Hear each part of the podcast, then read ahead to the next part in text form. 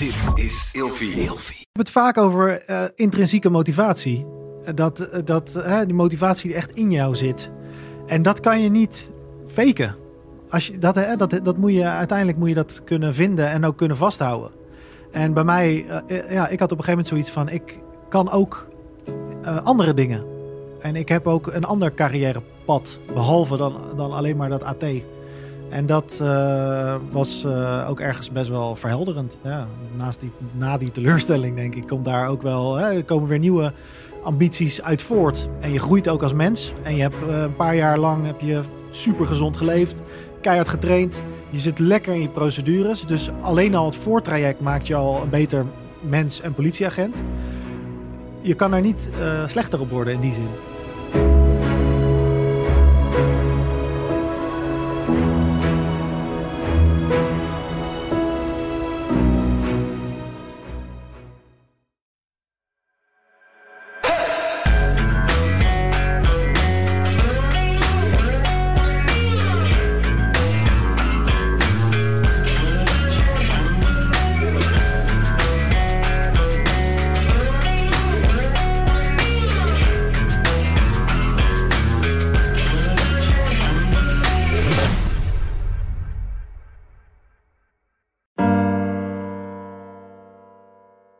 Voordat we zo starten met de podcast, even kort het volgende.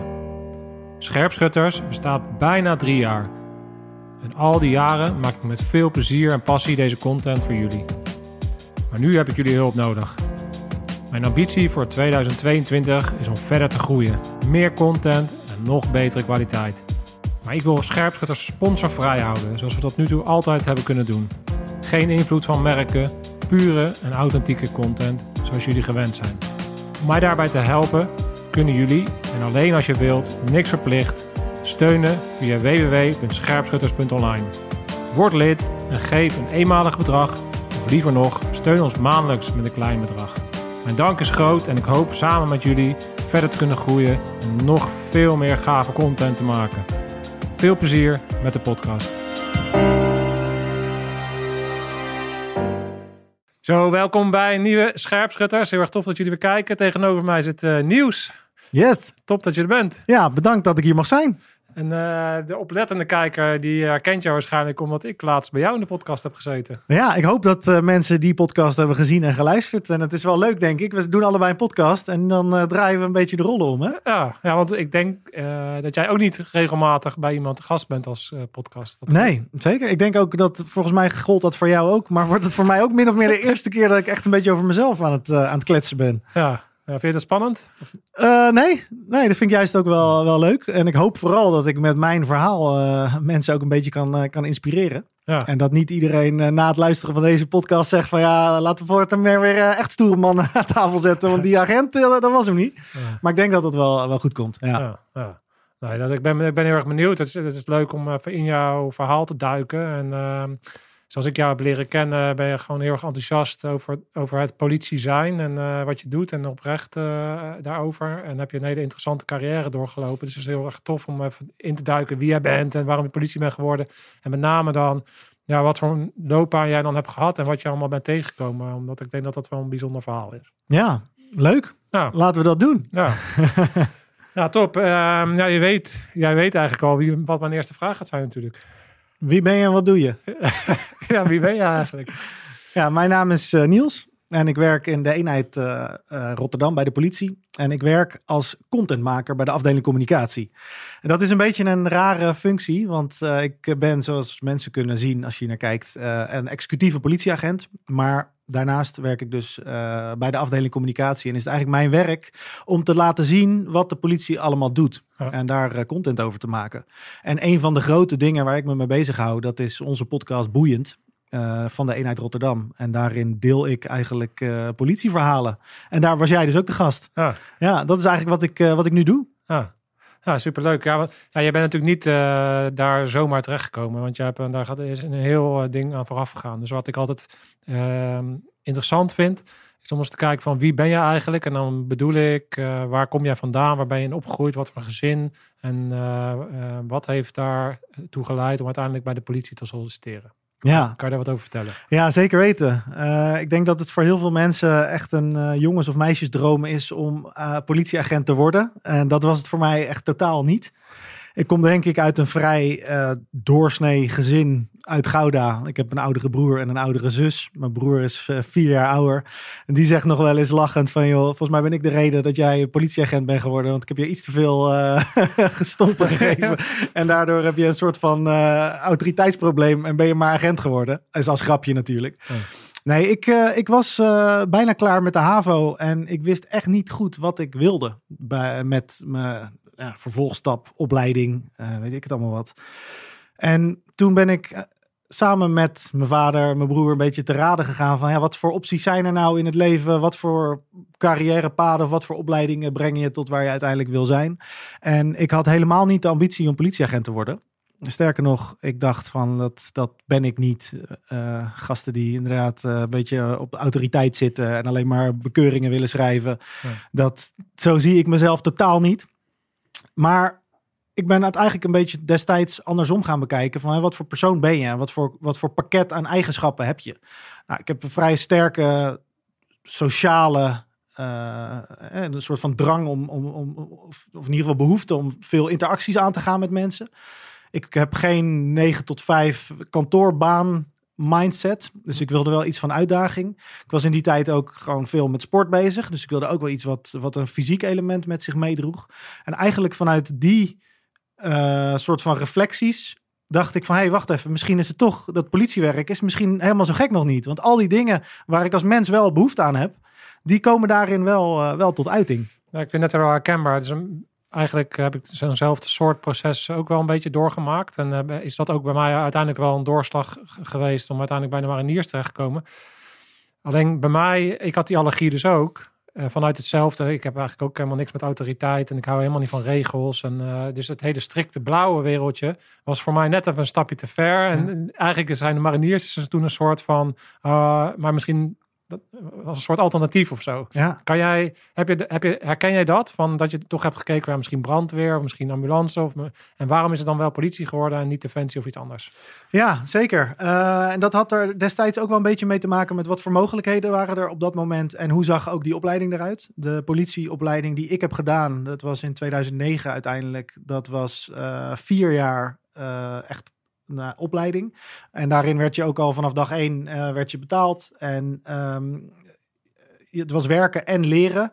Eh, maar wel, eh, het was niet dat je al meteen eh, ergens intern moest. En, en die, dat zag ik op dat moment wel het meeste zitten. Ja. Dus het waren denk ik meer de omstandigheden en de Ja, voorwaarden ja, waardoor ik die keuze maakte. Ja.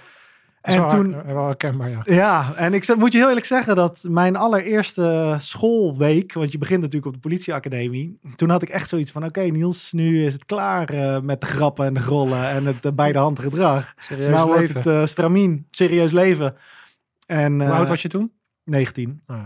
En toen kwam ik voor het eerst in de klas. En daar was een oude docent die het eigenlijk vooral mooi vond om allerlei verhalen over zichzelf te, te delen. En ik had ook meteen al een paar gasten die er eigenlijk helemaal hetzelfde in stonden als ik. Dus dat was, eh, dat was heel anders dan mijn verwachting. En eh, eigenlijk ben ik het vanaf dag één alleen maar leuker gaan vinden, dat werk. Ja. Ja, Ja, dus, dus je hebt natuurlijk, als je er buiten staat, heb je een bepaald beeld. En als je daarin komt, dan eh, kan dat beeld anders uitvallen. ja. Hoe belangrijk was de mensen met wie je dan in zo'n klas komt? Heb je daar nog steeds contact mee? Hoe, hoe, is die bandvorming binnen de politie? Want bij Defensie ga je natuurlijk heel erg intern. En hoewel je daar, hoewel dat ook iets was waar ik heel erg tegenop zag, achteraf gezien zie ik dat dat een hele waardevolle periode is geweest. Juist doordat je dan echt die, eh, die binding eh, krijgt en dat netwerk wat je dan opbouwt, je eigenlijk je hele leven eh, bijblijft. Ja. Herken jij dat en hoe is dat bij de politie? Nou ja, toevallig heb ik een vriendengroep wat nog steeds mijn broeders zijn. Dat Ja. zijn zes gasten in totaal, waaronder de Dutch Policeman die ook bij jou te gast is geweest. Dat is gewoon, dit- we zijn samen de opleiding ingegaan en dat is nog steeds een van mijn beste maten. Cool. Dus dat is heel mooi. Tegelijkertijd wordt ehm, de term politie voor iedereen is, is niet voor niks nu heel erg belangrijk. Er, worden, er wordt heel erg ingezet om juist ook een diversiteit aan mensen aan te nemen bij de politie. En dat merk je dus ook in zo'n klas. Dus dat er heel veel verschillende types bij elkaar worden gebracht. Je hebt een aantal gasten en ook meiden die heel erg gewoon procedurematig, professioneel op het scherpst van de snede willen werken. Je hebt ook mensen die juist heel erg op die sociale kant willen zitten, die echt dat gebiedsgebonden of met jeugd willen werken. En je hebt ook een aantal mensen die juist wel op die handhavende kant willen zitten en, en, en, en bij een, bijvoorbeeld een teamverkeer of bij een ander eh, een handhavingsteam terecht willen komen, omdat, ze, omdat dat hun trekt. Dat is echt wel een verschil, denk ik inderdaad. Ik denk bij de mariniers zaten echt allemaal van die afgestompte, gedreven, eh, blanke mannen. Daar ben ik Ja. ook heel eerlijk in. eh, Ja. Dat het echt wel een blanke eenheid eh, was. Ik denk dat ik in mijn hele carrière misschien een paar donkere jongens ben tegengekomen.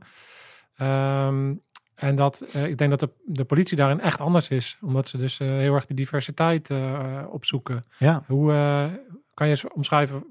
Is dat, is dat juist leuk? Is dat moeilijk? Is dat uitdagend? Is dat interessant? Eh, wat, wat zijn de dingen die je dan tegenkomt? Ja, al het voorgenoemde, denk Ja. ik. Ik denk dat, dat, dat, daar alle, dat daar van alles in zit. Eh, voor jezelf is dat heel interessant om daarmee om te gaan. Dat je in een groep komt waarin je een opleidingstraject ingaat, waarin er heel veel van je wordt verwacht, maar waarin je met name ook als mens hele grote stappen gaat zetten. Je wordt echt wel gevormd, ook door die politieopleiding. Ehm, en daarnaast is het natuurlijk ook wel heel erg moeilijk om aan de ene kant te zitten met iemand die gewoon best wel een rechtlijnige manier van denken heeft. Ehm, en iemand die vooral lekker sociaal een kletspraatje en een, beetje, en een bakje koffie wil doen.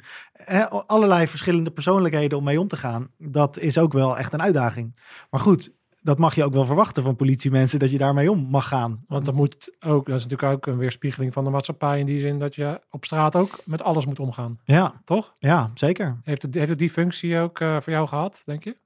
Nou, ik denk dat ik daar op dat aspect al wel vrij ver was. Ik, kom, eh, ik heb veel ook in buurthuizen gehangen en met allerlei eh, mensen uit verschillende hoeken van de samenleving omgegaan. Ook voordat ik bij de politie ging. Ehm, en misschien heeft dat ook juist mijn verwachtingspatroon eh, beïnvloed. Dat ik juist dacht van, oh, misschien pas ik wel helemaal niet zo goed binnen dat politieplaatje. Omdat ik ook niet zo'n prototype politieagent ben. Maar tegelijkertijd merkte ik al vrij snel dat ik wel goed ook een beetje kon laveren tussen al die verschillende mensen die daar, eh, die daar op die politieacademie rondlopen. Ja, ja, ja, dus dat is alleen maar goed. Hey, vertel eens eventjes, ehm, oké, je komt daar binnen. Wat, eh, wat gebeurt er dan? Je hebt je sollicitatieproces gehad. Ehm, heb je daar nog bijzonderheden gehad? En, en vervolgens als je dan begint, wat voor, wat voor dingen ga je dan meemaken? Nou ja, inmiddels is de opleiding en volgens mij ook het selectietraject voor een, voor een deel best wel, eh, best wel aangepast. Bij mij waren het eh, eh, nou ja, verschillende dingen. Hè. Je moet een fysieke hindernisbaan lopen. Je hebt een, eh, een gesprek met een psycholoog. Ehm, er wordt een, een medische test afgenomen en een beetje cognitieve capaciteiten. Nou, dat is allemaal nog steeds hetzelfde. En uiteindelijk dan krijg je een groen licht om die politieopleiding in te gaan. En wat daar helemaal in het begin zit, is je beëdiging. Aan het begin van je politiecarrière word je beëdigd als politiefunctionaris. En eh, ik had destijds zoiets van, dat is een soort van formeel middagje. Dan, moet je, dan mag je kiezen of je de eet of de belofte aflegt. En eigenlijk zeg je daarmee twee dingen. Aan de ene kant zeg je dat je eh, op een integere manier aan die functie bent gekomen. En aan de andere kant zeg je dat je naar eer en geweten dat werk zou uitvoeren. Wat het verschil tussen eten en belofte is of je het zweert op God of op jezelf of zoiets Ja, precies, precies dat. Ja. En ehm, nou, de reden dat ik dat eigenlijk vertel, aan de ene kant is dat dat is eigenlijk het moment, vanaf dan heb je je beëdiging eh, of heb je je, eh, je bevoegdheden, dan ben je echt politieagent. Maar inmiddels, nu even eh, twaalf jaar verder in de tijd, werk ik bij communicatie en doe ik dus ook de beëdigingen weer. Die begeleid ik als het Oh, ware. En ik had destijds zoiets van, joh, laat mij nou maar gewoon auto rijden en schieten en alle mooie dingen doen. Wat het politiewerk en die beëdiging, dat, daar hou ik een beetje mijn schouders bij op. Maar hoe verder je daar vanaf komt, hoe meer dat echt wel een eikpunt is ook in je leven. Want dat is wel een soort van het moment dat je zegt, ja, hier ga ik voor. Een soort huwelijk. Een soort huwelijk, ja. Bepaalde afspraken die je maakt. En eh, politiemensen spreken wel eens over het glazen huis waar je waar je, je in begeeft. Hè? Dat je de, de normen en waarden die je als politieagent eh, hanteert, dat je die ook in je privéleven met je meedraagt. En dat, eh, ja, dat is wel een soort van bijzonder moment waarop Ja. je dan... eh, maar Ja. tegelijk, destijds had ik daar eh, geen seconde over nagedacht. Nee. Nee, nee, dat herken ik wel. Het is echt een transitieproces. Ja. Bij ons is natuurlijk ook heel erg die koppen kaal scheren en heel erg die, ja, die, die initiële fase van vorming. En daar hoort inderdaad ook die beëdiging Ja. uiteindelijk bij. En ook, eh, ik kan me ook al die lessen nog wel herinneren van ethiek en eh, hoe ga je om met moeilijke situaties, maar ook met eh, inderdaad van wat betekent het dan? En bij ons lieten ze ons bijvoorbeeld, de eerste zes weken was intern. En dan moesten we daarna in ons baadje, dat was echt een ceremonieel tenue, moesten we de eerste keer in ons baadje naar huis. En dat betekent natuurlijk dat je voor het eerst daadwerkelijk geconfronteerd wordt Ja, in de buitenwereld bij het treinstation met het feit dat jij militair bent. Ja. Hè, En dat iedereen dat ziet en dan, en, en dan ineens dat je heel erg bewust wordt van het feit dat je militair bent en dat je dan ineens verantwoordelijk zou moeten. eh, dat vo- voel je dan soms van, oh, er gebeurt daar iets en ik moet. Dus het doet echt iets met je, Ja. eh, hoe je in de wereld staat. Kan je nog herinneren dat je toen ook in één keer anders behandeld werd? Door Ja. de mensen om je heen? Ja, natuurlijk. Ja, mensen eh, zeggen er wat van. Soms krijg je een, een kutopmerking. Soms krijg je iets moois. En soms krijg je gewoon een blik. Soms krijg je eh, ja, ja, gewoon eh, dat mensen beleefd zijn of, eh, of gewoon een waardering uiting. Eh, dus je krijgt eigenlijk alles. Ah, Wat je als politieman, er wordt soms op je jasje gespuugd en soms krijg je een schouderklopje en, dat, dat, en alles wat ertussen zit. Ja, ja. nou ja, dat zie je dus ook in zo'n opleiding inderdaad. En, en, en je ziet dus ook wat dat met de verschillende karakters doet. Sommige mensen die, die zwellen helemaal op van dat uniform. Die gebruiken het bijna als een, en nou moet ik zeggen dat dat bij mij in de klas wel meeviel hoor. Maar die gebruiken het bijna als een soort van schild. Van Ja. hè, die kleine jongen die ik misschien van binnen ben, die zien ze nu niet meer, want ik heb dat pak aan. Andere mensen die hebben zoiets van, nou, ja, ik weet niet, eh moet het wel even wennen, weet je wel. En, Ja. eh, en zo gaat iedereen daar op zijn eigen manier mee om. Ja. Mijn opleiding was dan eh destijds, en dat is ook veranderd nu, maar dat was drie maanden school en dan drie maanden praktijkstage. En dat eigenlijk gedurende vier jaar. En in al die fases werd je, kwam je elke keer een stapje verder. Dus het laatste deel van de, eh, of eigenlijk de tweede helft van de opleiding ging echt over het noodhulpwerk. eh spoedritten en dat soort dingen. En het eerste deel ging dan vooral over eh, ja, uniformgewenning, surveilleren, eh, handhaven op straat, dat soort dingen. En zo word je geleidelijk, word je, werd je dan klaargestoomd echt voor het, eh, voor het politiewerk. Ja, want in die zin is het natuurlijk heel erg belangrijk, eh, het mentorschap in de politie, denk ik. eh, kan ik me voorstellen. Hoe, hoe kijk jij daarnaar? Want ik denk dat je als, als jongen de eerste drie maanden, en, al die drie maanden dat je in de praktijk loopt, dan kom je natuurlijk onder de vleugel van iemand die meer ervaren is, neem ik aan. Ja.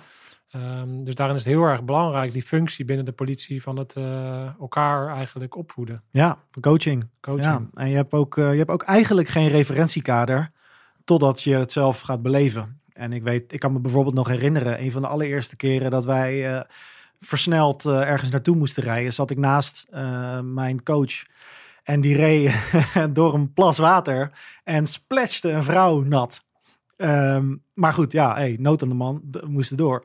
Die melding bleek echt twee minuten later nergens op te slaan. Ehm, dus wij keerden weer, reden weer door de straat en die vrouw die stond daar nog steeds. Nou ja, wat hij deed is even uitstappen, sorry zeggen en uitleggen waarom, eh, wat er aan de hand was en waarom dat gebeurd was. En daarin had ik meteen zoiets van, zo, wat, wat cool dat hij dus aan de ene kant gewoon kan anticiperen op die melding en eh, eh, dat we daar met alle stoere dingen naartoe gaan. En dat je dan tegelijkertijd weer heel snel kan terugschakelen en weer eventjes met die dame kan zeggen van, joh, sorry dat we je schoenen hebben nat, nat gekledderd. En, en dat, dat zijn van die dingen dat je in één keer denkt van, oh ja, wacht even. Dus dit is kennelijk hoe je als politieagent kan optreden. Ja. En dat eh, moet je allemaal een beetje leren. Ja. Ja, ja dat, dat, ik, daar heb ik ook het meeste. Ik denk dat, dat, dat je daar ook hetgene benoemt. wat als generalist een, het belangrijkste is: het schakelen tussen het volledige spectrum. Kijk, bij een AT zit je natuurlijk altijd eh, hoog. En dan is het gewoon bam, naar binnen de verrassing en eh, hup. En je hebt heel veel controle.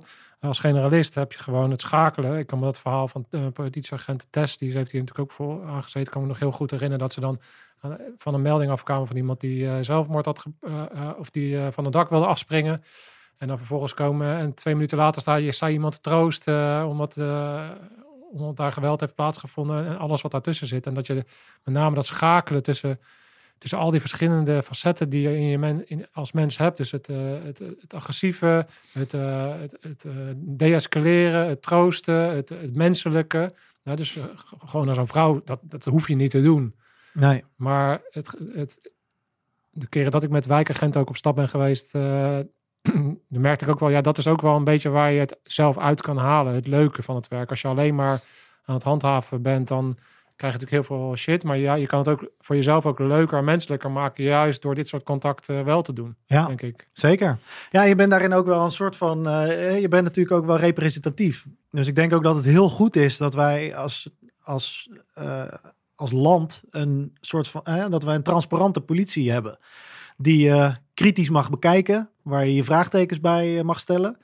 Waar je naar mag. Eh, waar je over, over het optreden van de politie mag nadenken. Van wat vinden we daar nou eigenlijk van? En ik denk dat het ook eh, bij je taken hoort als politieagent. Om daar ook nou ja, op die manier mee om te gaan. Van ja, we doen bepaalde dingen. En eh, we maken soms ook fouten. Maar tegelijkertijd is dat wat we doen, eh, daar leren we van. Daar willen we beter van worden. En eh, ja, daar kunnen we over praten. Ja, Dat is mooi. ja. Ja, Hoe, eh, een ding wat bij mij opkomt, dat ik even benieuwd ben hoe jij daarnaar kijkt. Hè? Die diversiteit wat je al benoemde van alle soorten mensen. En eh, eh, zitten dan ook binnen de politie. Hoe ga jij daarmee om in het proces als er dingen... Kijk, ik denk, ik kan, denk dat ik me kan voorstellen dat deze periode best wel een lastige periode is. Afgelopen twee jaar. Er is veel druk maatschappelijk. En daardoor vallen jullie natuurlijk op een bepaalde manier op met demonstraties. En mensen scheren natuurlijk alles over één kam. En dan eh, ik, krijg dat, ik merk dat in mijn comments bijvoorbeeld. Weet je, dus als ik nu iemand aan tafel heb, dan krijg ik heel snel. eh, ik krijg altijd wel comments van mensen die zeggen van ik had respect voor hun en nu, nu niet meer. Want, eh, want nu staan nu staan ze te demonstreren. En ja, er is, er is zoveel boosheid en er gebeurt zoveel op het moment dat dat een weerslag heeft binnen, binnen, binnen de politie. Ehm, hoe, hoe ga jij om? ehm, met, met, met, met dat soort lastigere thema's. En dan ook met, met elkaar binnen als collega's. Hoe hou je elkaar een soort van, van in sync? En hoe hou je de extreme weg? Want ik denk dat dat hetgene is wat je natuurlijk uiteindelijk moet doen als politieagent. Is dat je de, de extreme probeert eh, te bemiddelen als het ware. Je wil niet mensen die heel erg ongemotiveerd zijn. Maar je wil ook niet mensen die eh, extreem... eh, ja, die, die te fanatiek zijn of eh, te, te heftig reageren of te emotioneel reageren op allerlei dingen. Eh, zeg ik dat goed? Ik denk dat je mensen een beetje binnen, die, binnen een bepaalde bandbreedte wil hebben. Hoe ga je daarmee om als je collega's ziet die ehm, ja, misschien een beetje buiten, buiten hun voegen gaan of dingen doen waar jij niet, niet eh, jezelf mee kan vereenzelvigen? Hoe, hoe ga je daarmee om? nou ja, kijk, het, wat je zegt, het is een moeilijke tijd. En het is ook een tijd waarin het met heel veel mensen gewoon niet goed gaat. Ook mentaal in de samenleving. eh, ten aanzien van eh, je, je verhouding als burger ten opzichte van de overheid. Dat, dat zijn spanningsvelden en dat ervaren heel veel mensen nu meer dan ooit. En ook bij mijn collega's is eh, op sommige momenten ook gewoon echt de rek eruit.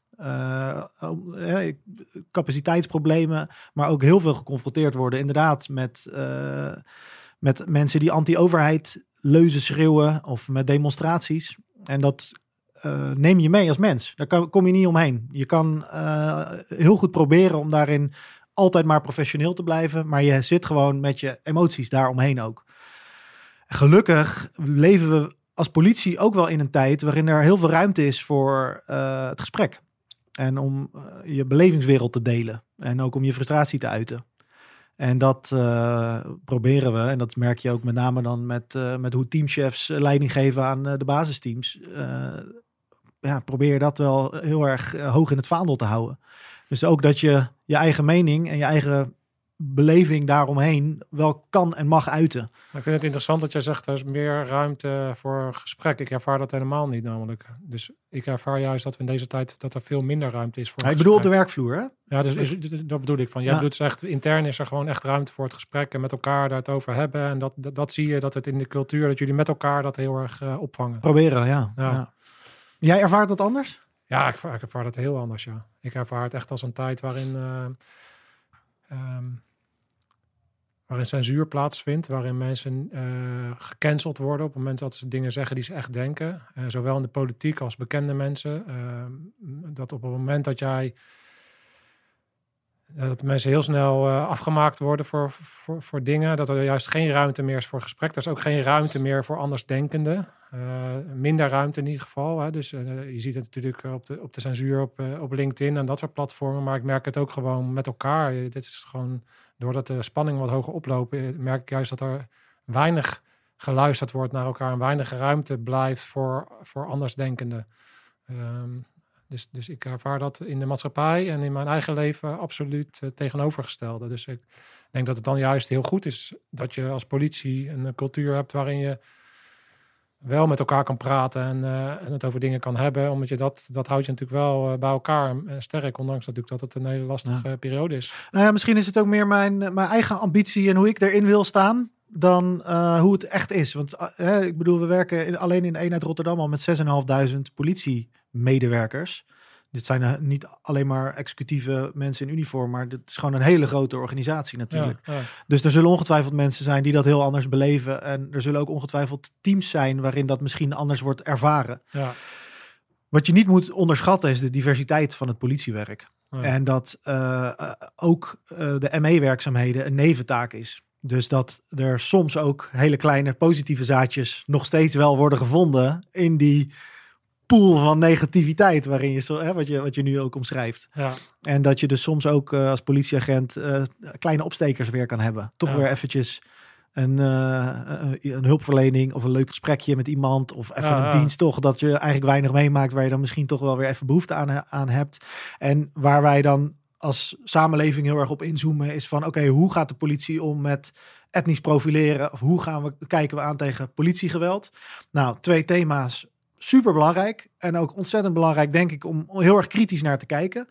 En daarbij is dat een onderdeel van die hele grote politie. Uh, en, en een onderdeel van al die facetten waar je als politieagent mee in aanraking komt. Ja. Nou ja, ja, ja, je komt maar over als een heel positief ingesteld mens. En in die zin denk ik dat het heel erg belangrijk is, is dat je in de, juist in de tijd dat het lastiger is, eh, heel erg ook zelf invulling geeft aan, aan, je, eigen, aan je directe omgeving. En de, invloed, de sfeer van invloed die je hebt op je, je eigen leven daarin, hoor ik jou zeggen. Ja, Toch? tuurlijk. Ja, Ja, ja. ja. Nou, mooi. Hey, ja, neem ons ons mee, want dan heb je de vier jaar opleiding, heb je, hoor ik dan zeggen. Ja. En dan heb je de, de opbouw. De noodhulp is natuurlijk zo'n dingetje waar je natuurlijk best wel naar uitkijkt om dan op een gegeven moment bij te komen. Want dat is gewoon, kan je omschrijven wat noodhulp inhoudt voor de mensen die dat niet snappen en waarom dat dan gaaf is om daarbij te zitten. Ja, het wordt ook wel eens directe hulpverlening genoemd. Um, de, het komt er eigenlijk op neer uh, 1 in 2 meldingen rijden. Dus je gaat samen met je maatje uh, uh, serveren in de auto en dan krijg je meldingen. En dat zijn uh, vaak 1 en 2 meldingen. En daar ga je op acteren. En uh, tijdens je opleiding ga je in eerste instantie mee als derde man. Dus dan mag je een soort van uh, meekijken, als het ware. En dan op enig moment in die opleiding, dan ga je als tweede man. Dus dan ben je onderdeel van een koppel. En dat is ook natuurlijk wel een van de. Hè, waar, als je het hebt over politiewerk, is dat wel een van de basispijlers van het politiewerk. Dat is die noodhulp. Ja. En dan kom je met heel veel verschillende dingen in aanraking. Uh, van uh, een winkeldief die je moet afhandelen en moet inboeken. Tot uh, plofkraken of geweld naar jou. Of een overleden persoon in de woning. Van alles en nog wat. En dat is, dat is heel erg interessant. En jij hebt hier natuurlijk in de podcast vaak mensen die op het scherpst van de snede werken. En heel veel trainingsuren en uh, samenwerken met mensen die met dezelfde mindset uh, hun werk gaan doen. En het interessante van de noodhulp is dat je er vaak alleen met je maatje voor staat. En dat je situaties soms kan, verkeerd kan inschatten. Of dat je met een collega bent die niet dezelfde mindset hebt als jij. En 9 van de 10 keer is het allemaal niet zo bijzonder. Maar die momenten dat je aanstaat, is het, is, nou, ja, kan het ook gewoon heel spannend zijn. Juist ook door die uh, nou ja, dat, door dat gebrek aan training eigenlijk. Ja, ja. ja, Juist door dat gebrek aan training. Wat bedoel je daarmee? De, zal ik je vertellen over mijn eerste plofkraak? Jouw eerste plofkraak? Nou ja, niet dat die eerste dat ik gepleegd heb. Maar, uh, nee, de eerste keer dat ik uh, bij een plofkraak was, dat was in Amstelveen. En er was een melding van een sabotagealarm bij een bank. En dat was in 2000, ik denk dat het dan 2011 of zo geweest moet zijn. En uh, ik, ik sloeg nog niet heel erg aan op een sabotagealarm dat dat, uh, dat dat dan een plofkraak was. Dus wij rijden daar naartoe, midden in de nacht, in een uitgestorven stad, dorp. En um, we bleken ook meteen op de kruising al over uh, zelfgemaakte kraaienpoten te rijden, om lek te rijden. En we komen daar aan en er staat een auto in de fik en er ligt een gasbrander te, te, nou ja, te, te branden, zeg ja, maar. Ja, ja. En een spoor met geld een park in. En vervolgens hoorden we knallen. en ik dacht nog even dat er geschoten werd. Maar eh, wat bleek is dat die uit die auto, daar zaten, nou ja, dat was heel erg, dat was gewoon aan het branden. En daar kwam ook een soort van knalgeluid uit. En op dat moment sta je daar met je maatje. We hebben ons wapen getrokken. Eigenlijk niet eens wetende waarop precies. Maar ja, in de, we, we konden nog niet de hele situatie eh, inschatten. Dus voor hetzelfde geld liepen we die daders op dat moment eh, in, op de voeten. Dus, of in het gezicht. Ze bleken net, eh, net weg te zijn. Ehm, en dan sta je daar als 22-jarig mannetje een beetje om je heen te kijken. Wat moeten we in godsnaam doen? Moeten we achter die verdachte aan? Moeten we hier die PD bewaken? Want er lag ook alle, allemaal geld op de grond. Moeten wij dat, die brand gaan blussen? Moeten we vooral onze collega's eh inzijnen wat er aan de hand was? Moeten wij aan de, aan de gang gaan met die kraaienpoten die daar liggen... om te voorkomen dat onze andere collega's ook lek rijden? Dat is, ehm, dat is best wel een situatie waarin je dan zit... ehm, waar je niet op getraind hebt. Waar je ook niet eh, van tevoren een soort van plannetje voor kan maken. Dus geen protocol. Zo van, gaan we het eh, doen. Nee. Er zijn zat protocollen eh, inmiddels, ook met afzetdingen. En je hebt natuurlijk een rode knopalarm voor, voor bepaalde grote incidenten. Maar ja, hoe je daar dan zelf ook mee omgaat en wat dat met jou doet, dat Ja. is wel even nieuw. Ja, en vooral dan eh, de wetenschap dat je in zo'n nachtdienst gewoon ook best wel in de rust zit. En dan in één keer aangaat. Ja. Ja, dat is gewoon interessant. Ja. Ja, en ik moet wel zeggen dat ik, eh, ik kwam al vrij snel, ook door dat soort meldingen, door, door dat soort incidenten, ehm, merkte ik dat ik wel heel veel affiniteit had met procedurematig werken. En ook wel de, de spannende kant van het politiewerk. Dus ook onze IBT-trainingen nam ik altijd erg, erg serieus. Dat is de, hè, de, de aanhoudingstechnieken, dat soort dingen. Ik kan best wel goed schieten, schietbaan. En ook juist door dat soort meldingen, de aanhoudingen die een beetje spannend waren, dat, soort, eh, dat soort dingen, had ik wel zoiets van: oké, misschien wil ik wel een beetje die kant op.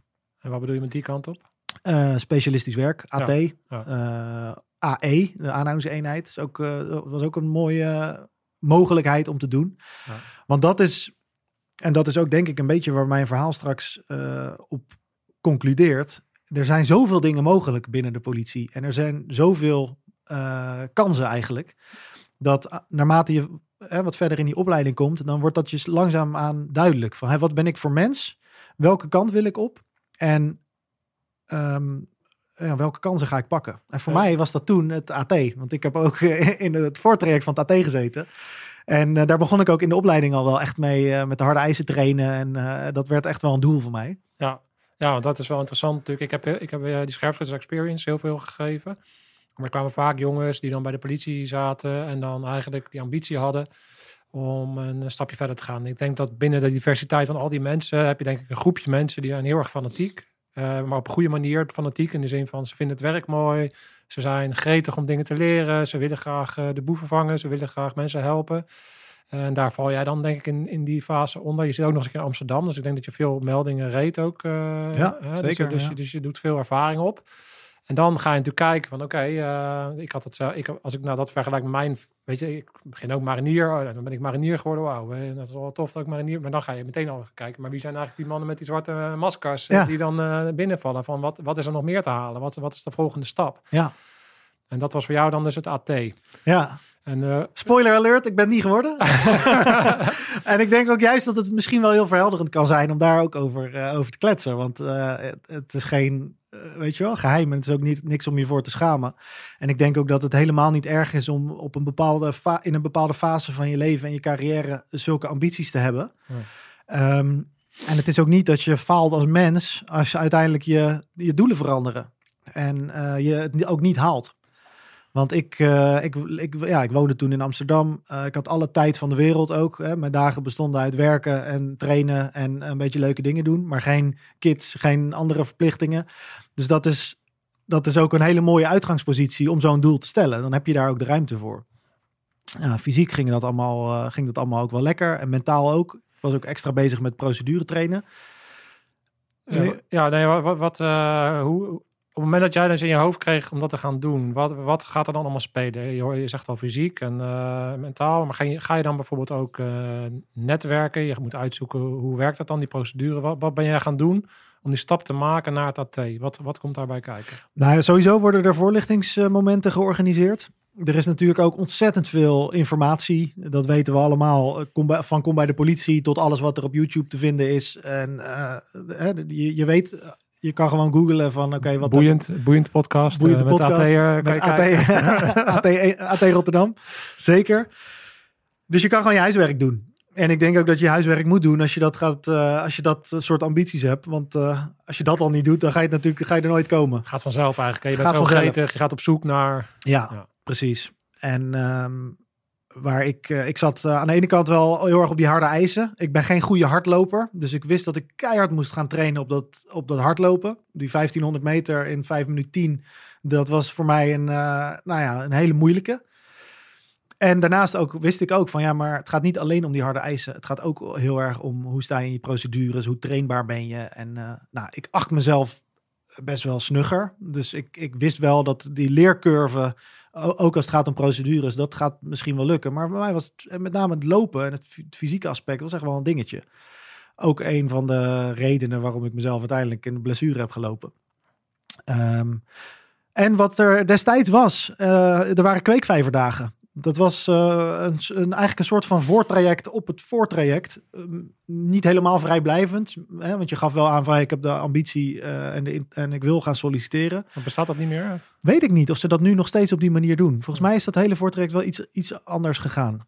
Maar aan die kweek, in die kweekvijverdagen had ik ook echt zoiets van... ja, dit is gewoon wat ik wil gaan doen. Het is gewoon super mooi. En dat, eh, dat, dat hè, als, je, eh, als je terugkomt op al die verschillende mensen... die er bij de politie werken... dan tref je daar een groepje gasten... die wel allemaal die mindset hebben en die ambitie hebben. En dat voelt op dat moment wel echt als een, als een heel bekrachtigend iets ook. Ook voor jezelf. Ja. En achteraf weet ik niet zo goed of ik nou met name het plaatje van het AT'er zijn heel erg ambieerde. Of ook het werk zelf daadwerkelijk wilde doen. Maar daar komen we denk ik zo meteen op. Want hè, wa- waarom word je het uiteindelijk niet? En hoe pas je vervolgens je koers aan? Ja. Maar destijds had ik in die kweekvijverdagen juist wel heel erg zoiets van... ja, dit is waar ik echt, eh, echt voor wil gaan. En toen uiteindelijk sollicitatietraject ingezet. Eh, ik weet niet meer precies de volgorde, maar een 8 uurs oefening had je dan, die had ik gehaald. Eh 24 uurs oefening had ik ook gehaald. Psychologische test had ik gehaald, rijtest, fysieke keuring. En toen op een gegeven moment kwam er een, ehm, wat is dat dan? De, oh, dat was denk ik de 24 uur. Nou, ergens op enig moment bij zo'n trainingsintestdag eh ja, kra- ga ik eigenlijk door mijn knie heen. Wat al een beetje sluimerde doordat ik al veel aan het lopen was. Want je had die 1500 meter uiteindelijk wel gehaald dus. Ja, wel gehaald, ja. Ja, ja, ja. En eh, ja, ik, mo ik mocht eigenlijk eh, Ja. verder, zeg maar. En toen was het van, nou ja, weet je, pak je rust. En die rust, dat was echt wel eh, ja, heel kut. Want die gasten met wie ik ging, die er gingen, eh, volgens mij uiteindelijk zes of zo gingen de opleiding in. En ik niet. Ehm, en dan heb je een beetje zoiets van, ja, fuck. Het loopt even mis. Niet hoe ik het voor ogen had. Mijn knie doet pijn. En uiteindelijk, en, en dat was eigenlijk ook meteen een soort van katalysator van twijfel voor mij. Waar ik ook zoiets had van, ja, maar ben ik wel een persoon om dat werk te gaan doen? Is het wel, past het wel ook bij mij? Want ik wil wel heel graag bij, bij dat werk passen, maar past het wel bij wie ik ben? Want als je kijkt naar, als ik, hè, als ik naar mezelf kijk, dat sociale aspect en een beetje dat creatieve wat in mij zit, dat willen schakelen tussen het scherpst op de snede en eh, een vriendelijke praatje pot. Misschien vind je dat wel helemaal niet bij het AT, eh, vriend. Nou ja, Zo, je hebt- je eh, hebt- kijk, dat, dat, als je dat, dat vind ik interessant wat je zegt. Want als je daarover nadenkt, is het sociale aspect speelt heel erg binnen de jongens van het AT. Dat zijn de mensen met wie je leeft. En Ja. ja, ja op het moment dat je de deur bonkt en je trekt iemand aan zijn haren te huis uit, dan eh, praat, wordt er niet veel gepraat. Dus die interactie met verschillende soorten mensen, zowel binnen de politie als binnen de maatschappij, verdwijnt natuurlijk een beetje bij het AT. Ja, zeker. Het is, ja, het is specialistisch werk. En bij een specialisme, ja, dat is eigenlijk het tegenovergestelde van generalisme. Hè? En dat, dat is, ik, ik denk dat ik als mens echt wel een generalist ben. Ik weet van heel veel dingen heel weinig. Ja. In plaats van van heel, heel weinig, heel erg veel. En dat, nou ja, dat, daar gaan er allerlei dingen spelen. Het is ook een deel dan teleurstelling op zo'n moment dat je geblesseerd raakt. Eh, maar je kan het ook, je weet ook, je kan het niet allemaal op die blessure schuiven. Dan ga je liegen tegen jezelf. Want ik bedoel, ik had hier overheen kunnen trainen en ik had dat traject door kunnen zetten. Maar tegelijkertijd had ik zoiets van: oké, maar als dit dan mijn motivatie breekt, is kennelijk die motivatie niet groot genoeg om dat werk door te zetten, voor te zetten. En ik had ook heel eerlijk zoiets van, ja, maar dat is ook eigenlijk helemaal prima. Weet je wel? Nou, nou ja, je bent nee, goed zoals je bent, Niels. ja, dan- je weet hoe ik daarover denk, ja, toch? nee, Gelul. maar- ja, gelul. Nee, ja, wat, eh, dat, dat siert jij ook. Dat je, dat dan, eh, dat je in ieder geval eerlijk tegen jezelf bent. En alleen al het feit dat je hier op deze manier zo ook je verhaal eh, vertelt. Dat eh, vind ik alleen al een kracht. Want eh, ehm, het is namelijk helemaal oké al- als, je een pad ingaat en je, en je, en je noem, het, noem het falen. Zoals we in, in de podcast dat ik bij jou zat ook al benoemde. Het winnen Ja. of falen. Want de meest, je gaat het meest... eh, je hebt het in ieder geval geprobeerd. En je bent tot een bepaalde grens gekomen. Voor jou was dat de grens waarop je merkte van... hey, oh wacht eens even, de twijfel, het stemmetje in je hoofd wordt groter dan mijn wil om voorwaarts te gaan. Dus dan blijkbaar is er eh, misschien een ander pad voor mij. En dan Ja. is dat ook oké. Ja. En is het dan eh, een kracht om eh daar doorheen te zetten en iets te gaan doen wat misschien in essentie je helemaal niet zo gelukkig maakt of wat bij je past? Of is het ook een kracht om dan te zeggen van oké, kennelijk moeten we even de koers wijzigen? Ja. Dat, ja, ik denk dat er allebei, hè, dat is Nou al- ja, ik denk dat er, soms kan, kan het de kracht zijn om ergens doorheen te breken en door te zetten. Maar ik denk dat in dit verhaal de echte kracht zit in het feit dat je jezelf goed genoeg kent. ja, hebben leren kennen. Ja, hebben leren ja. kennen ook door dit soort dingen te doen. Weet je, dus op het moment dat je, en natuurlijk achteraf kan je het allemaal refereren. Toen was je gewoon teleurgesteld. Dan kan, dat, toch? Tuurlijk, Ja, ja, je, gewoon- zeker. je baalde Ja. gewoon van jezelf waarschijnlijk ook en eh, van, van hoe het allemaal liep. Maar als je het nu gaat analyseren, dan kan je zien van, nou ja, wat, wat ik net al benoem. Van ja, maar is die black box van dat sociale bijvoorbeeld voor jou wel, eh, was dat wel goed geweest? Kijk, kijk, creativiteit kan je wel kwijt binnen het AT. Zeker. Want hetzelfde wat jij nu doet als content, eh, contentmaker, hè, die combinatie van die dingen en dat in je werk combineren, dat kan je bij een AT ook. Omdat je toch verschillende specialismes Ja, hebt en je daarin ook kan 100%. innoveren. Ja, jij, eh, de AT is juist echt een plek waar je kan innoveren. Dus die, die kant van jou had wel zijn weg gevonden. Maar ik kan me heel goed voorstellen dat dat, dat sociale te beperkend eh, was Ja. geworden voor jou. Nou ja, je hebt het vaak over eh, intrinsieke motivatie. Eh, Dat, eh, dat eh, die motivatie die echt in jou zit. En dat kan je niet faken. Als je, dat, hè, dat, dat moet je, uiteindelijk moet je dat kunnen vinden en ook kunnen vasthouden. En bij mij, eh, eh, ja, ik had op een gegeven moment zoiets van, ik kan ook eh, andere dingen. En ik heb ook een ander carrièrepad, behalve dan, dan alleen maar dat AT. En dat eh, was eh, ook ergens best wel verhelderend. Ja, naast die, na die teleurstelling, denk ik, komt daar ook wel. Hè, er komen weer nieuwe ambities uit voort. En je groeit ook als mens. En je hebt eh, een paar jaar lang heb je super gezond geleefd, keihard getraind. Je zit lekker in je procedures. Dus alleen al het voortraject maakt je al een beter mens en politieagent. Je kan er niet slechter op worden in die zin. Nee, je hebt daar heel veel geleerd en heel veel eh, gedaan. En juist door dat door te maken, ben je nu zo goed in de dingen die je doet. En zit je nu zo goed op je plek, denk ik. Ja, en, heb ik, dat en, en ja, en je krijgt daar ook, denk ik, ook wel gewoon wat mentale kracht van. Ja. Ja. Ja. Nou, wat, eh, daarna dan? Wat, wat, hoe heb je, Solliciteren bij de recherche. wat was jouw volgende stap? Dat was mijn volgende stap. Ja. Hoe is dat Ja. ontstaan? ja, we zijn dan wel inmiddels een paar jaar verder ook in die eh, carrière. Want ik heb nog een hele tijd gewoon hè, op de, in, in het blauw gewerkt, in de noodhulp waar we het net over hadden. En dan daarin eh, krijg je je ervaringen. En ik heb in die periode ook dus echt eh, mijn pijlen op dat AT gericht. En ehm, nou ja, lekker fysiek aan de bak. Maar ook eh, groeien in dat politiewerk. En toen op enig moment, toen kwamen er plekken bij de districtsrecherche om te solliciteren. En dan, toen dacht ik van, hé, hey, dat is leuk. Want daar komen voor mij weer nieuwe uitdagingen uit. En dat is weer een hele andere manier van werken. En ik wil eens kijken wat daarin in zit. Ja, nou, mooi. Nou, als je, ja, je hebt best al lang op de noodhulp gezeten. Dus hoeveel jaar heb je daar gezeten? jaar of vijf, denk ik, zes, zoiets. Ja. Kan je daar eens eh, eh, één ding uit eh, trekken waarvan je denkt buiten die plofkraak eh, dat het echt in het begin was, wat heel veel impact op jou heeft gemaakt en eh, wat daar dan gebeurde en wat het met jou deed? Ehm, nou, wat, ik, wa- wat wel leuk is om te, of tenminste grappig is, is dat ik, was, ik zat in die selectie voor het AT en een onderdeel van de psychologische keuring was een, ik weet niet precies hoe ze het noemen, maar het was een soort ingrijpende gebeurte assessment. Een soort checklist van wat voor shit je allemaal had meegemaakt. Oké.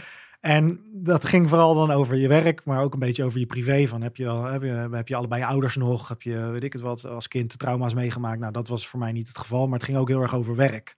Heb je wel eens een zelfdoding eh, hè, gezien? Eh, ja. Zo, zo ja, hoe vaak? Uh, 1, 2, 3, ga je tellen. Denk je nou, een stuk of vier of zo, of vijf.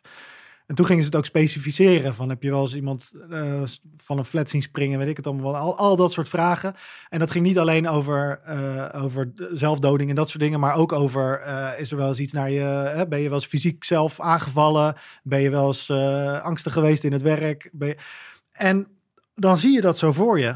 En je moet soms echt even twee keer graven. Dat je dacht van uh, een waterlijk. Nee, nooit een water. Oh jawel, ja, ja, ja. Die ene gozer toen in de gracht. Oh ja, oh ja toch, toch nog, uh, nog een tweede. En je schuift het bijna allemaal een soort van. Uh, niet, ja, je, gaat het, je gaat niet een lijstje bij. Of tenminste, ik niet. Van wat voor dingen je allemaal hebt gezien. Maar als je dat zo terugziet, dan denk je, ja, ik ben toch gewoon een jonge vent. Maar ik, wat hebben je allemaal al wel niet meegemaakt in dat werk?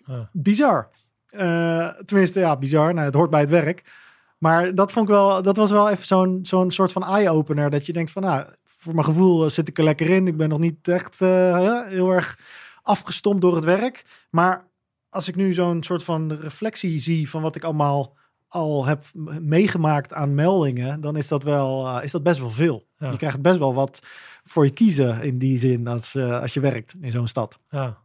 Ja, ja. bijzonder. Ja, ik moet ineens denken aan uh, Sean Pell. Die heeft net een boek uitgebracht over de forensische opsporing.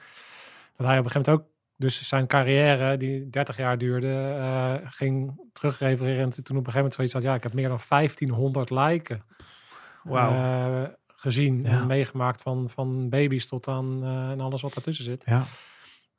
dus dat, dat zo'n, ja, dat, dat, dat, eigenlijk moet je eens in de zoveel tijd, is het misschien wel goed om een beetje stil te staan bij alles wat je meemaakt en te kijken of daar nog dingetjes zitten en uh, ja. even te, re te, reflecteren op, uh, op wat je meemaakt. Ja, ja. ja er, zijn, er zijn, ik zit er ondertussen zit ik zo'n beetje te denken aan jouw vraag van hè, wat is nou iets wat, wat een grote impact op je heeft gemaakt. Uh, er zijn natuurlijk verschillende dingen en er zijn ook verschillende dingen die op een verschillende manier impact op je maakt. Er zijn hele zielige dingen, die kan je vertellen, je kan er een blog over schrijven als een soort van tranentrekker. Maar dat is natuurlijk, ja, ik weet niet. Dat, ik voel nu, ik heb nou niet heel erg de ambitie om over dat soort dingen te vertellen. Wat wel, uh, mijn allereerste dodelijke aanrijding, uh, nogmaals niet zelf, ben zelf niet dood gegaan. maar er was een, uh, er was in, in de vroege ochtend. Het was een zondagochtend en het was net zonsopgang, een beetje dit weer, koud, mistig. En um, wij hadden een vroege dienst, dus je begon om half zeven. Dus we zaten denk ik om kwart voor zeven, zeven uur of zo in de auto. En uh, we eerst een inbraakalarm. Zo reden naar de ene kant. En daarna kregen we een uh, melding van een eenzijdig ongeval. Auto tegen de boom. En het was ook wel een beetje glad. Dus wij zeiden nog, ik zei nog tegen mijn maatje van, uh, nou, moet even kijken. Want voor hetzelfde geld is eentje die uit de kroeg is gestapt. En nu zichzelf tegen een boom aan heeft gereden. Dus sowieso ik even laten blazen. En wij rijden um, naar de Beneluxbaan, was dat, in Amstelveen. En um, op dat moment staat daar een brandweerauto met zijn lamp aan. En wij zien dat die brandweerauto bij die auto staat die tegen de boom aan uh, stond. En uh, die brandweercommandant die komt naar me toe en die zegt van nou, uh, dat is einde oefening. Einde oefening, hoe, hoe bedoel je? Gaan, gaan, jullie weer weg? Of nee, mevrouw is overleden. Oh, dus ik kijk op dat moment, ik loop naar die auto toe en ik kijk daarin. En wat ik dus niet zag, is dat die auto echt helemaal om die boom heen was gevouwen. En dat die vrouw een soort van ja, onderdeel was geworden van die auto met haar gezicht omhoog. Bloedspetters tegen het uh, plafond van, het, van de auto. En wat ik, en dat is ook denk ik de reden waarom ik, deze, waarom ik dit verhaal vertel. Er zat zo'n grote uh, kloof tussen mijn verwachtingspatroon en wat ik op dat moment zag dat ik echt schrok. Ik schrok echt van, what the fuck? Ik sta, ik sta nu bij een dodelijke aanrijding, mijn eerste dodelijke aanrijding, weet je wel? En ik had uh, dat totaal niet verwacht. En op het moment dat jij een melding krijgt van, hey, er is een persoon tegen een, uh, tegen een boom aangeraden, ernstig letsel, uh, reageert niet meer, weet ik het wat, dan ga je je al wapenen. En ik had me op dat moment daar nog helemaal niet op voorbereid. Dus ik ging echt van 0 naar 100. En um, qua werk, en dat klinkt heel, heel lullig, uh, is, er was voor we konden niet heel veel doen. Want er was ook, hè, er was geen gevaarlijke verkeerssituatie. Het was doodstil op straat. Dus het was eigenlijk vooral, uh, nou ja, omgaan met, met de situatie. Maar we konden op dat moment ook niet heel erg veel. Maar dat was wel, een, dat was wel heel erg indrukwekkend voor mij. En dan met name omdat dat, omdat dat heel erg ook mij een les leerde over eh, hoe, ga je, hoe bereid je je voor op een melding? Hoe ga je daar naartoe? Wat bespreek je in de auto? En ehm, eh, met wat voor energie kom je daar aan? En dan bedoel jij dat je mm, m, door de ervaring die opdeed, eigenlijk nooit een melding moet aanrijden van, oh, er is niks aan de hand. Bedoel je dat? Eh, ja, ik denk dat, je, dat het niet gezond zou zijn om altijd volledig aan te staan. Nee. Maar ik denk dat je wel altijd eh, verschillende mogelijkheden moet afwegen. Ja, En ik had op dat moment, en dat is denk ik ook mijn on- onervarenheid geweest op dat moment. Ik had nog niet in mijn referentiekader dat dit een dodelijke aanrijding zou kunnen zijn. kunnen zijn. Ja. Ja. En dat heeft ook te maken met hoe de melding eh, werd uitgegeven. Ja. Ehm, en de meldkamer die kan natuurlijk ook niet meer dan eh, afgaan op wat er. eh, dus daar zat niet een fout in of iets dergelijks, maar dat waren gewoon de omstandigheden. Ja. Tegelijkertijd moet je ook niet elke eenzijdige aanrijding eh, behandelen als een eh, dodelijke aanrijding in je, in je hoofd, zeg maar. Want dan zit, je, eh, dan zit je heel erg in je stresslevels. Maar ik denk, ik denk wel dat het gezond is, of nodig is voor het werk, om nou ja, op, de, op de juiste manier je voor te bereiden, ook mentaal. Ja. Ja, Ja, dat denk ik ook. Dat hebben we ook al vaker met Wendy uh, Dorenstein eh, in de podcast eh, besproken. Hoe belangrijk dat aanrijden is. En eh, met Erwin van Beek ook al, al vaak over, over gehad. Hoe je, hoe je in die tijd die je dan eigenlijk hebt in het aanrijden. Hoe, dat, hoe belangrijk dat is uiteindelijk om effectief te zijn onder potentieel gevaarlijke situaties. ja.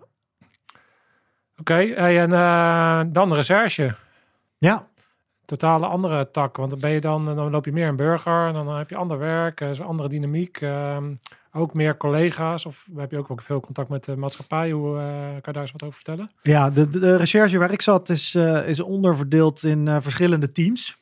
Ehm, er is een calamiteitenunit. Die doen eigenlijk alle zaken die nou ja, zomaar ineens binnenkomen. Steekpartijen, overvallen, dat soort, dat soort zaken. Dan heb je een aantal ja, zeg maar projectteams. Die draaien de projectmatige onderzoeken. Er zit een stuk werkvoorbereiding bij. Die eh, die doen eigenlijk de voorbereiding van wat voor zaken gaan we draaien, wat voor informatie komen er, komt er binnen. Die werken ook heel erg samen met alle informatietakken van de, van de politie. En ik zat bij een, ja, dat is per eenheid weer een beetje anders ingedeeld, maar ik zat bij een soort, eigenlijk een soort beetje een ondersteunende club. Wij deden heel veel juist het observatiewerk en eh, wij ondersteunden de teams die de onderzoeken de- deden met het halen van informatie van straat. Dus wij waren heel veel aan het rijden, obs- observeren en eh, andere dingen doen waar, waar ik niet altijd diep op in zal gaan, maar wel eh, je, je, je kijken wat voor hulpmiddelen we kunnen gebruiken om, eh, om informatie te halen en om eh, te zorgen dat boeven gevangen worden.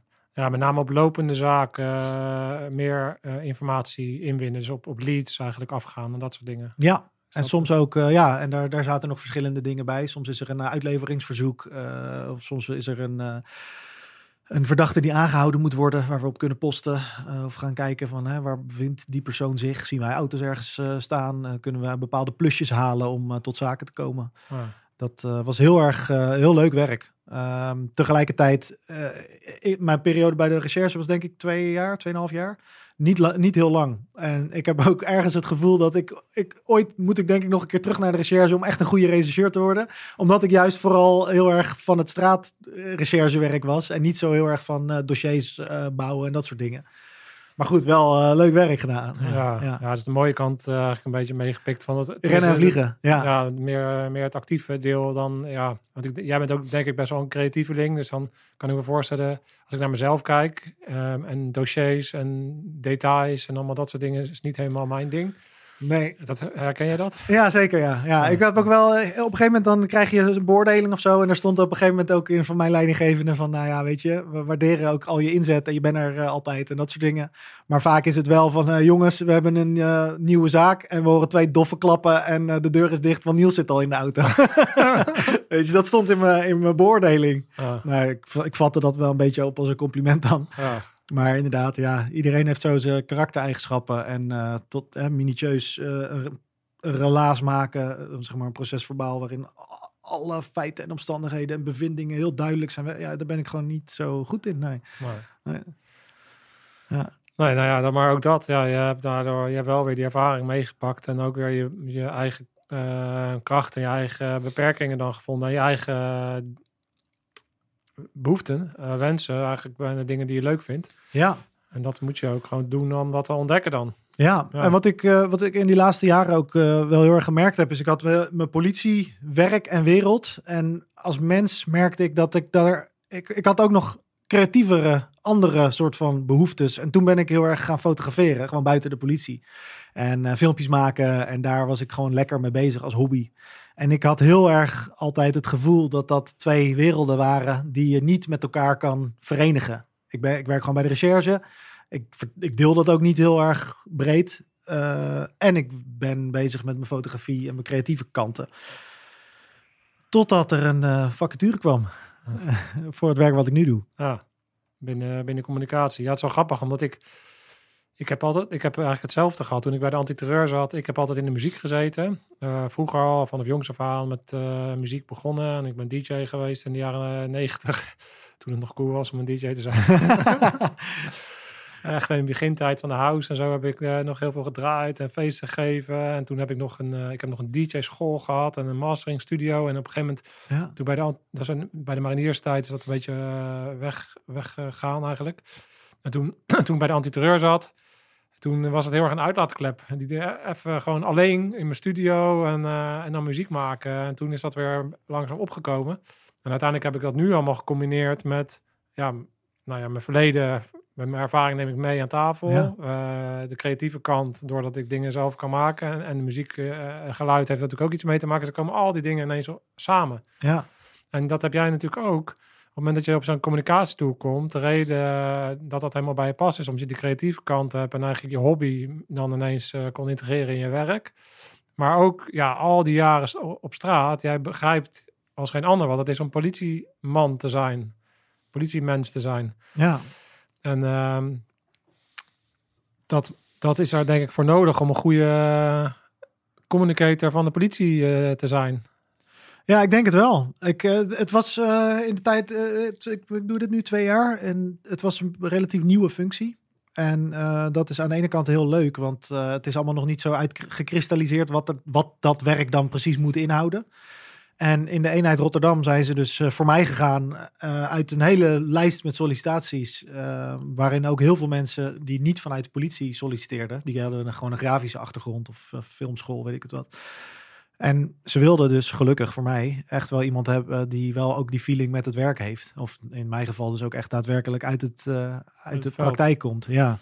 En dat ehm, bood voor mij heel veel kansen. Want die podcast, dat was ook niet, dat stond niet op mijn lijst van hey, je moet een podcast gaan maken. Dat heb ik eh, zelf aangedragen. Daar heb ik zelf de plannen voor geschreven. En daar heb ik eh, in samenwerking met de leidinggevende hebben we daarvan gezegd van volgens mij moeten we dit doen. Ja, En eh, gelukkig heb ik daarvoor ook de, de vrijheid gekregen om dat te gaan eh, doen en om daar eh, mee te gaan experimenteren en om daar de Ja. politieverhalen over te delen. Nou, dan heb je de, dan heb je gewoon die innovatiekans weer die dan naar boven komt. En Ja. Dus je, kon hier, je kreeg hier de vrijheid om te innoveren. Als iemand jou helemaal vastzette, dan ben je niet op je best waarschijnlijk. Nee, nee, nee. Nee, ja, want dat, is, dat was natuurlijk, had natuurlijk ook gekund dat ze iemand gewoon een eh, stapel SD-kaarten geven eh, aan het begin van de week en zeggen van ga hier maar tien video's voor maken ja, of zoiets. Gelukkig is dat niet hoe we werken. nou, Nee. nou, beter. Ja, mooi. Heb ik je geïnspireerd trouwens met de podcast?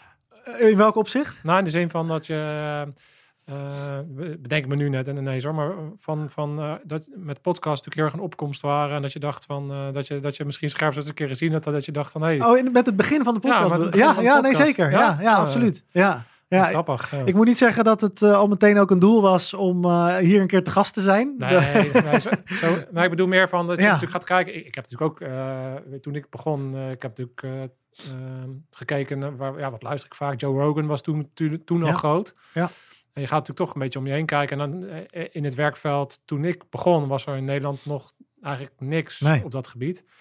En, ehm, maar ik, ik had natuurlijk wel Jocko een keer gezien, maar Jocko eh, is voor mij veel te afgestompt. Echt zo'n Amerikaans, Ja, eh, weet je. Lekker vroeg zetten. En, eh, ja, ik, ik vind het doodvermoeiend, eh, eh, zo'n man. Maar ondanks dat hij heel veel waardevolle dingen doet en eh, op zijn. eh, maar dus, dus wat ik bedoel is, wat je gaat wel, je gaat wel. Ik heb ook gekeken van, ik, ben, ik voel, me meer aangetrokken tot eh, Joe Rogan en hoe hij het doet. Eh, ik denk dat ik ook meer resoneer hoe hij als persoon is, hoe ik ben, dan als Jocko. Maar ik heb wel gekeken natuurlijk van, eh, even van hey, hoe doet Jocko de dingen.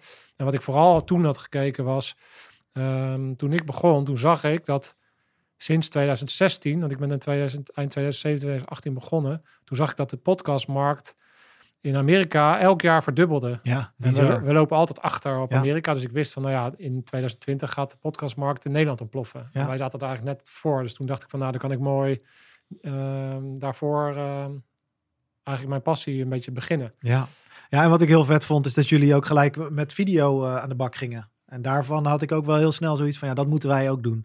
Ook omdat eh, het politiewerk, eh, er zit natuurlijk visueel eh, heel veel in en aan. Ja, En dat is natuurlijk mooi om dat mee te nemen. ja, Ehm, dat, zeg maar, een, pod- een podcast alleen als audio. ja, Daarvan dacht ik, ja, ergens laat je dan ook een kans liggen. ja, En dat heeft ook te maken met eh, hoe je zelf, denk ik, je content eh, consumeert. Want eh, bij mij op de afdeling bijvoorbeeld werk best wel wat collega's die echt vooral luisteren naar podcast. ja. En ik ben ook veel van het kijken juist. ja, ja. Ik ook. Dat heb ik ook. Ja, en ik merk dat bij mijn podcast, ik weet niet hoe dat bij jullie is, maar dat er, dat er nog steeds meer gekeken wordt dan geluisterd. Ja. ongeveer 60-40 is het. Nou, het is grappig, want bijvoorbeeld, ik heb een podcast opgenomen met Fred Westerbeke. Dat is de baas van de eenheid Rotterdam, de politiechef. En eh, die is dus veel meer beluisterd dan bekeken. Oh, ja.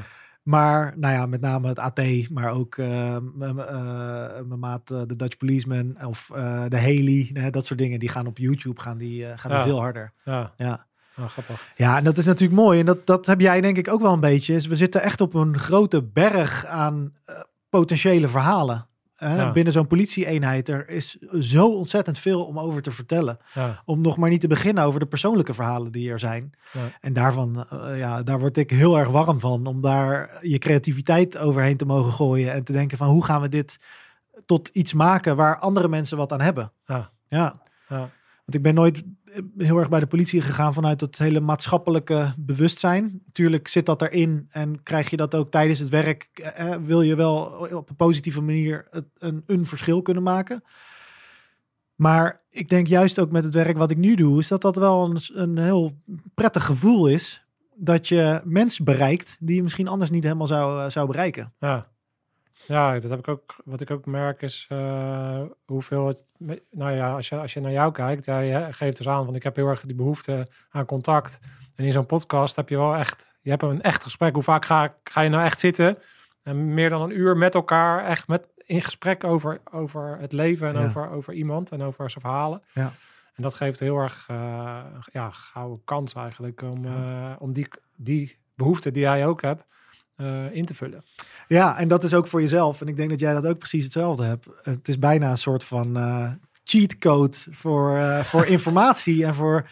Hè, want hoe op een andere manier kom je nou bij zoveel mensen aan tafel en kan je zoveel vragen stellen Ja. als in een podcast? Dat is toch super leuk om te doen ook. Ja, in die zin vind ik het wel. Ik heb ooit in een blauwe maandag ben ik, toen ik twintig was, ben ik psychologie gaan studeren. Puur omdat mijn zus eh dat deed. Mijn vader die is dokter en in, de- in de eh, psychiatrie ook eh, zit.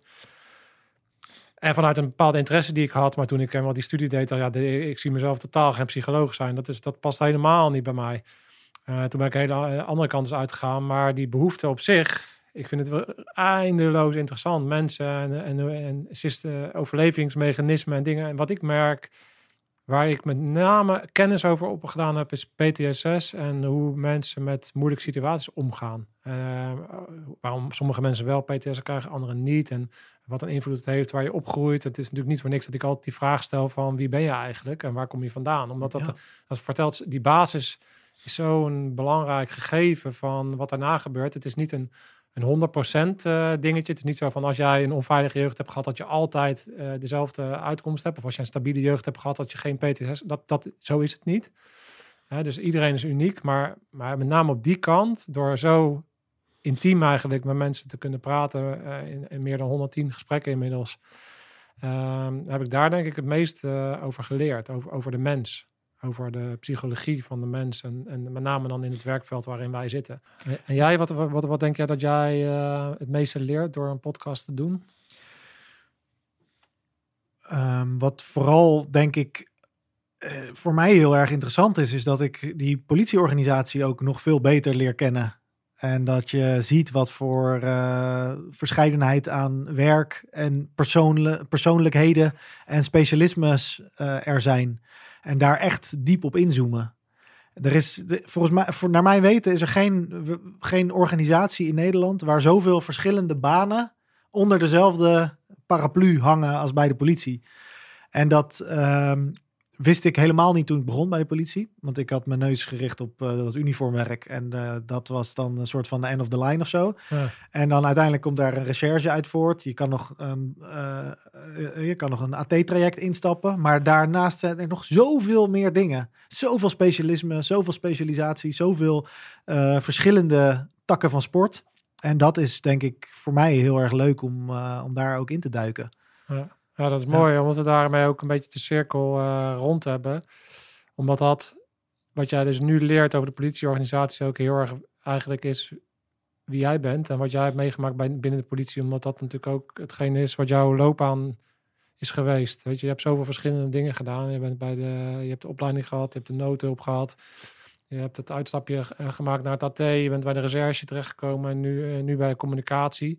Alleen dat, alleen zo'n Alleen jouw loopbaan al geeft eigenlijk hetgene weer waar jij nu het meest over leert. Ja, en dat is leuk. Ja. En, en vanuit hier kom je misschien weer, al, doordat je zoveel gaat leren over de politieorganisatie, zie je misschien wel weer allerlei kansen om weer verder te groeien met, eh, met jouw eh, eh, ambities. Want Ja, dat- tuurlijk. Ja. En dat is het mooie daarvan, is dat je bent nooit, je bent in die zin nooit uitgeleerd, maar Nee. je bent ook nooit klaar. Weet je wel? Het is niet dat ik dit tot mijn, wanneer zou ik eens een keer met het pensioen mogen? Mijn 75ste of zo.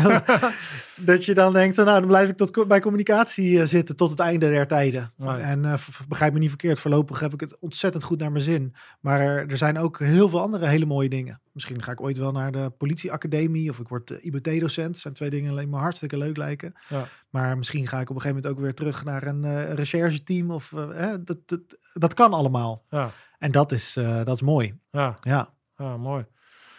Ja, geweldig. Ja, ik denk dat je eh, wat dat betreft een mooie eh, bijdrage levert aan de zichtbaarheid en de, ja, de kennis. eh, van, eh, ja, jij, jij gaf aan, jij bent de go-to podcast eh, voor Defensie Politie. Maar gelukkig zijn er inmiddels natuurlijk andere podcasts zoals jij ook, ook bij. En ik denk als je specialistisch op zoek bent naar politie, dat je dan met name bij Boeiend natuurlijk heel erg een mooi inkijkje krijgt in alle, alle verschillende facetten. Dus ik hoop het.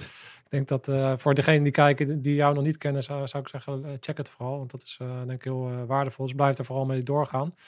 En ehm, ik blijf je ook eh, zeker volgen. En eh, ja, wie weet is het ook een keer cool om wat eh, samen te doen. Want jij bent denk ik een contentmaker die een stuk verder is dan ik. Ik wil, mijn ambitie is heel erg om te leren. op het gebied van documentaires en portretten en dat soort dingen. En nou ja, ik heb jouw YouTube, jij, hebt in privé ook een YouTube kanaal. Hoe, wat, is, wat is jouw naam? van Niels Camp Creative is dat. Niels maar dat gaat vooral over fotografie. Nou ja, ja. maar misschien dat er wel mensen zijn die dat interessant Ja, vinden. leuk. Ik vind het in ieder geval reuze interessant. Ik, volg, ik heb eigenlijk alles geleerd op het gebied van eh, video van YouTube. Ja, Ik ben gewoon een autodidact en als ik iets wil, dat deed ik vroeger al. Toen ik, ik kan me nog herinneren dat ik eh, op een gegeven moment, ik was altijd, ik, ben, ik was hon- honkballer, topsport, maar ik wilde ook basketballen, want ik werd heel lang toen ik een jaar of elf was.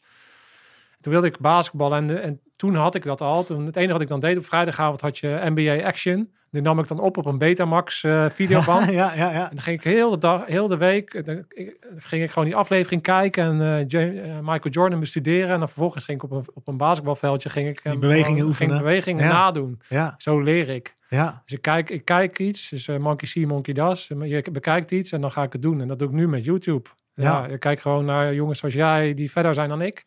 En dan eh, kijk ik hoe doen jullie dat? En dan stil ik het gewoon en, doe, en dan maak ik het eigen. Ja, nou, ik heb dat precies hetzelfde. Ja, Ja. ik heb ook in die zin ook. En het- soms dan voelt het ook nog steeds voor mij dat ik word dan in één keer gezien als eh, de contentmaker van de eenheid. Terwijl ik denk, ja, jongens, eh, het staat gewoon op YouTube, hè, wat ik nu aan het doen Ja. ben. Ik weet, ik weet het ook niet. Eh, en, en dat is gewoon heel leuk. En eh, het is, ik denk ook dat we in een super mooie tijd leven. Moet je kijken wat we, in wat voor kwaliteit we dit soort dingen kunnen maken. Ja. En alleen al het feit dat hier mensen naar kijken en luisteren. die misschien bij de politie willen. eh, of aan het twijfelen zijn. Of gewoon denken: hey, het is leuk even anderhalf uur naar een paar gasten luisteren. Dat we die allemaal kunnen bereiken door te doen wat we doen. Ja. Dat is toch prachtig. Ja, dat is echt gaaf. dat is echt tijd, cool. Ja, dat vind ik ook. Ja, dat het in die zin echt heel erg eh, veel ehm, dingen op een ander niveau komen te liggen. hè. Bitcoin heeft dat al een beetje van dat, dat, dat, dat mensen meer het gevoel willen hebben van dat ze echt controle hebben over, over hun eh, waarde. Maar hetzelfde zie ik met, eh, met, met, met, met, deze wereld. Hè. Dus vroeger had je alleen maar grote tv-stations. Ja. Iedereen met een telefoon kan content creator zijn. Eh, Ik moet dan denken aan die jongen die, eh, die dan elke keer die die video's heeft, dat hij dan zo kijkt. Eh, Van iemand die iets eh, doet en dat Ja, hij dan ja. Dat hij dat na gaat dat doen, hij ja. dat na gaat doen. Het enige wat hij heeft gedaan is dat ene film en daarmee is die wereldberoemd geworden. Ja, is gewoon een of andere jongen uit Afrika, volgens mij best wel arme jongen. Ja, en die is ook. gewoon enorm, eh, door gewoon één gimmick eigenlijk. ja. eh, en door slim op dat platform te, te spelen. Ja. ja, dus dat, dat is echt gek. Heb jij nou nog een bepaalde, een bepaalde richting waar je op wil met scherpschutters?